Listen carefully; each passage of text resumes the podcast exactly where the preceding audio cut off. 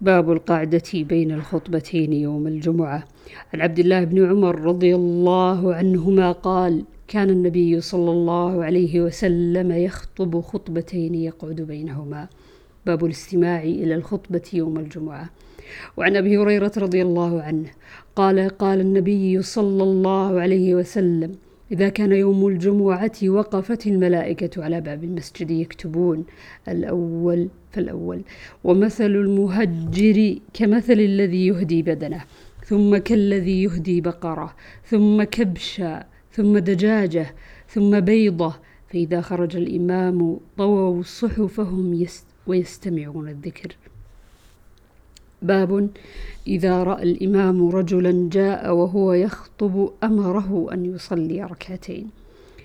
عن جابر بن عبد الله قال جاء رجل والنبي صلى الله عليه وسلم يخطب الناس يوم الجمعة فقال أصليت يا فلان؟ فقال لا. قال قم فاركع.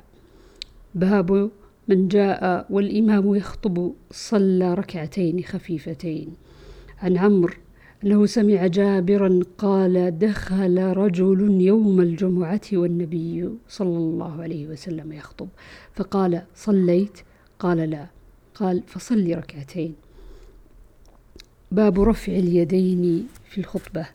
عن أنس قال بينما النبي صلى الله عليه وسلم يخطب يوم جمعة إذ قام رجل فقال يا رسول الله هلك الكراع وهلك الشاء فادعوا الله أن يسقينا. فمد يديه ودعا صلى الله عليه وسلم. باب الاستسقاء في الخطبة يوم الجمعة. عن أنس عن أنس بن مالك رضي الله عنه قال أصابت الناس سنة على عهد النبي صلى الله عليه وسلم.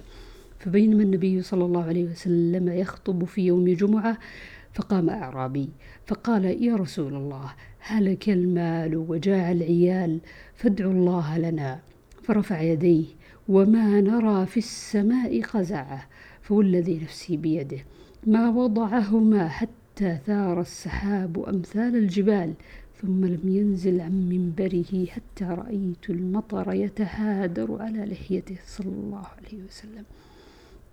فمطرنا يومنا ذاك.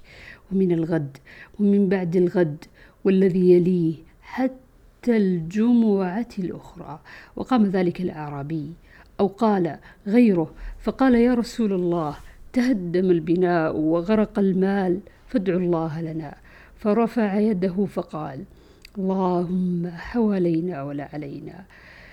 فما يشير بيده إلى ناحية من السحاب إلا انفرجت وصارت المدينة مثل الجوبة وسال الوادي قناة قناة شهرا ولم يجأ أحد من ناحية إلا حدث بالجود. باب الإنصات يوم الجمعة والإمام يخطب. وإذا قال لصاحبه أنصت فقد لغى. وقال سلمان عن النبي صلى الله عليه وسلم ينصت إذا تكلم الإمام.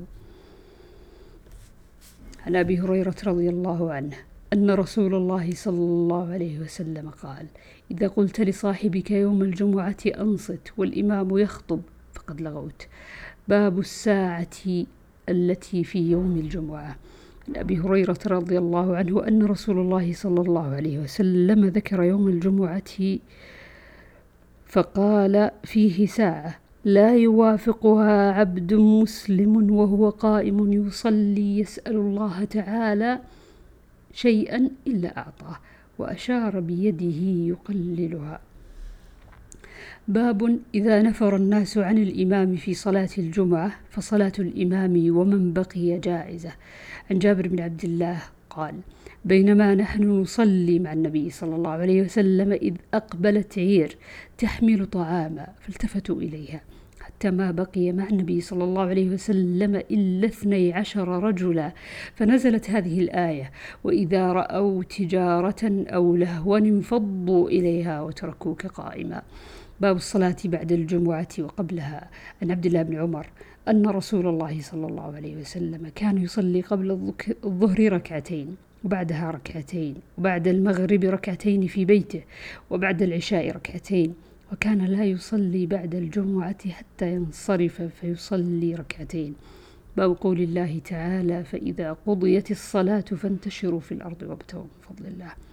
عن سهل بن سعد قال كانت فينا امرأة تجعل في أربعاء في مزرعة لها سلقا فكانت فكانت إذا كان يوم الجمعة تنزع أصول السلق فتجعله في قدر ثم تجعل عليه قبضة من شعير تطحنها فتكون أصول السلق عرقه. وكنا ننصرف من صلاة الجمعة فنسلم عليها فتقرب ذلك الطعام إلينا فنلعقه.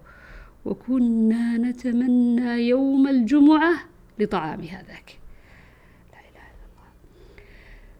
وعن ابن أبي حازم عن أبيه عن سهل بهذا وقال ما كنا نقيل ولا نتغدى إلا بعد الجمعة. باب القائلة بعد الجمعة. عن أنس قال كنا نبكر إلى الجمعة ثم نقيل. وعن سهل قال كنا نصلي مع النبي صلى الله عليه وسلم يوم الجمعة ثم تكون القائلة.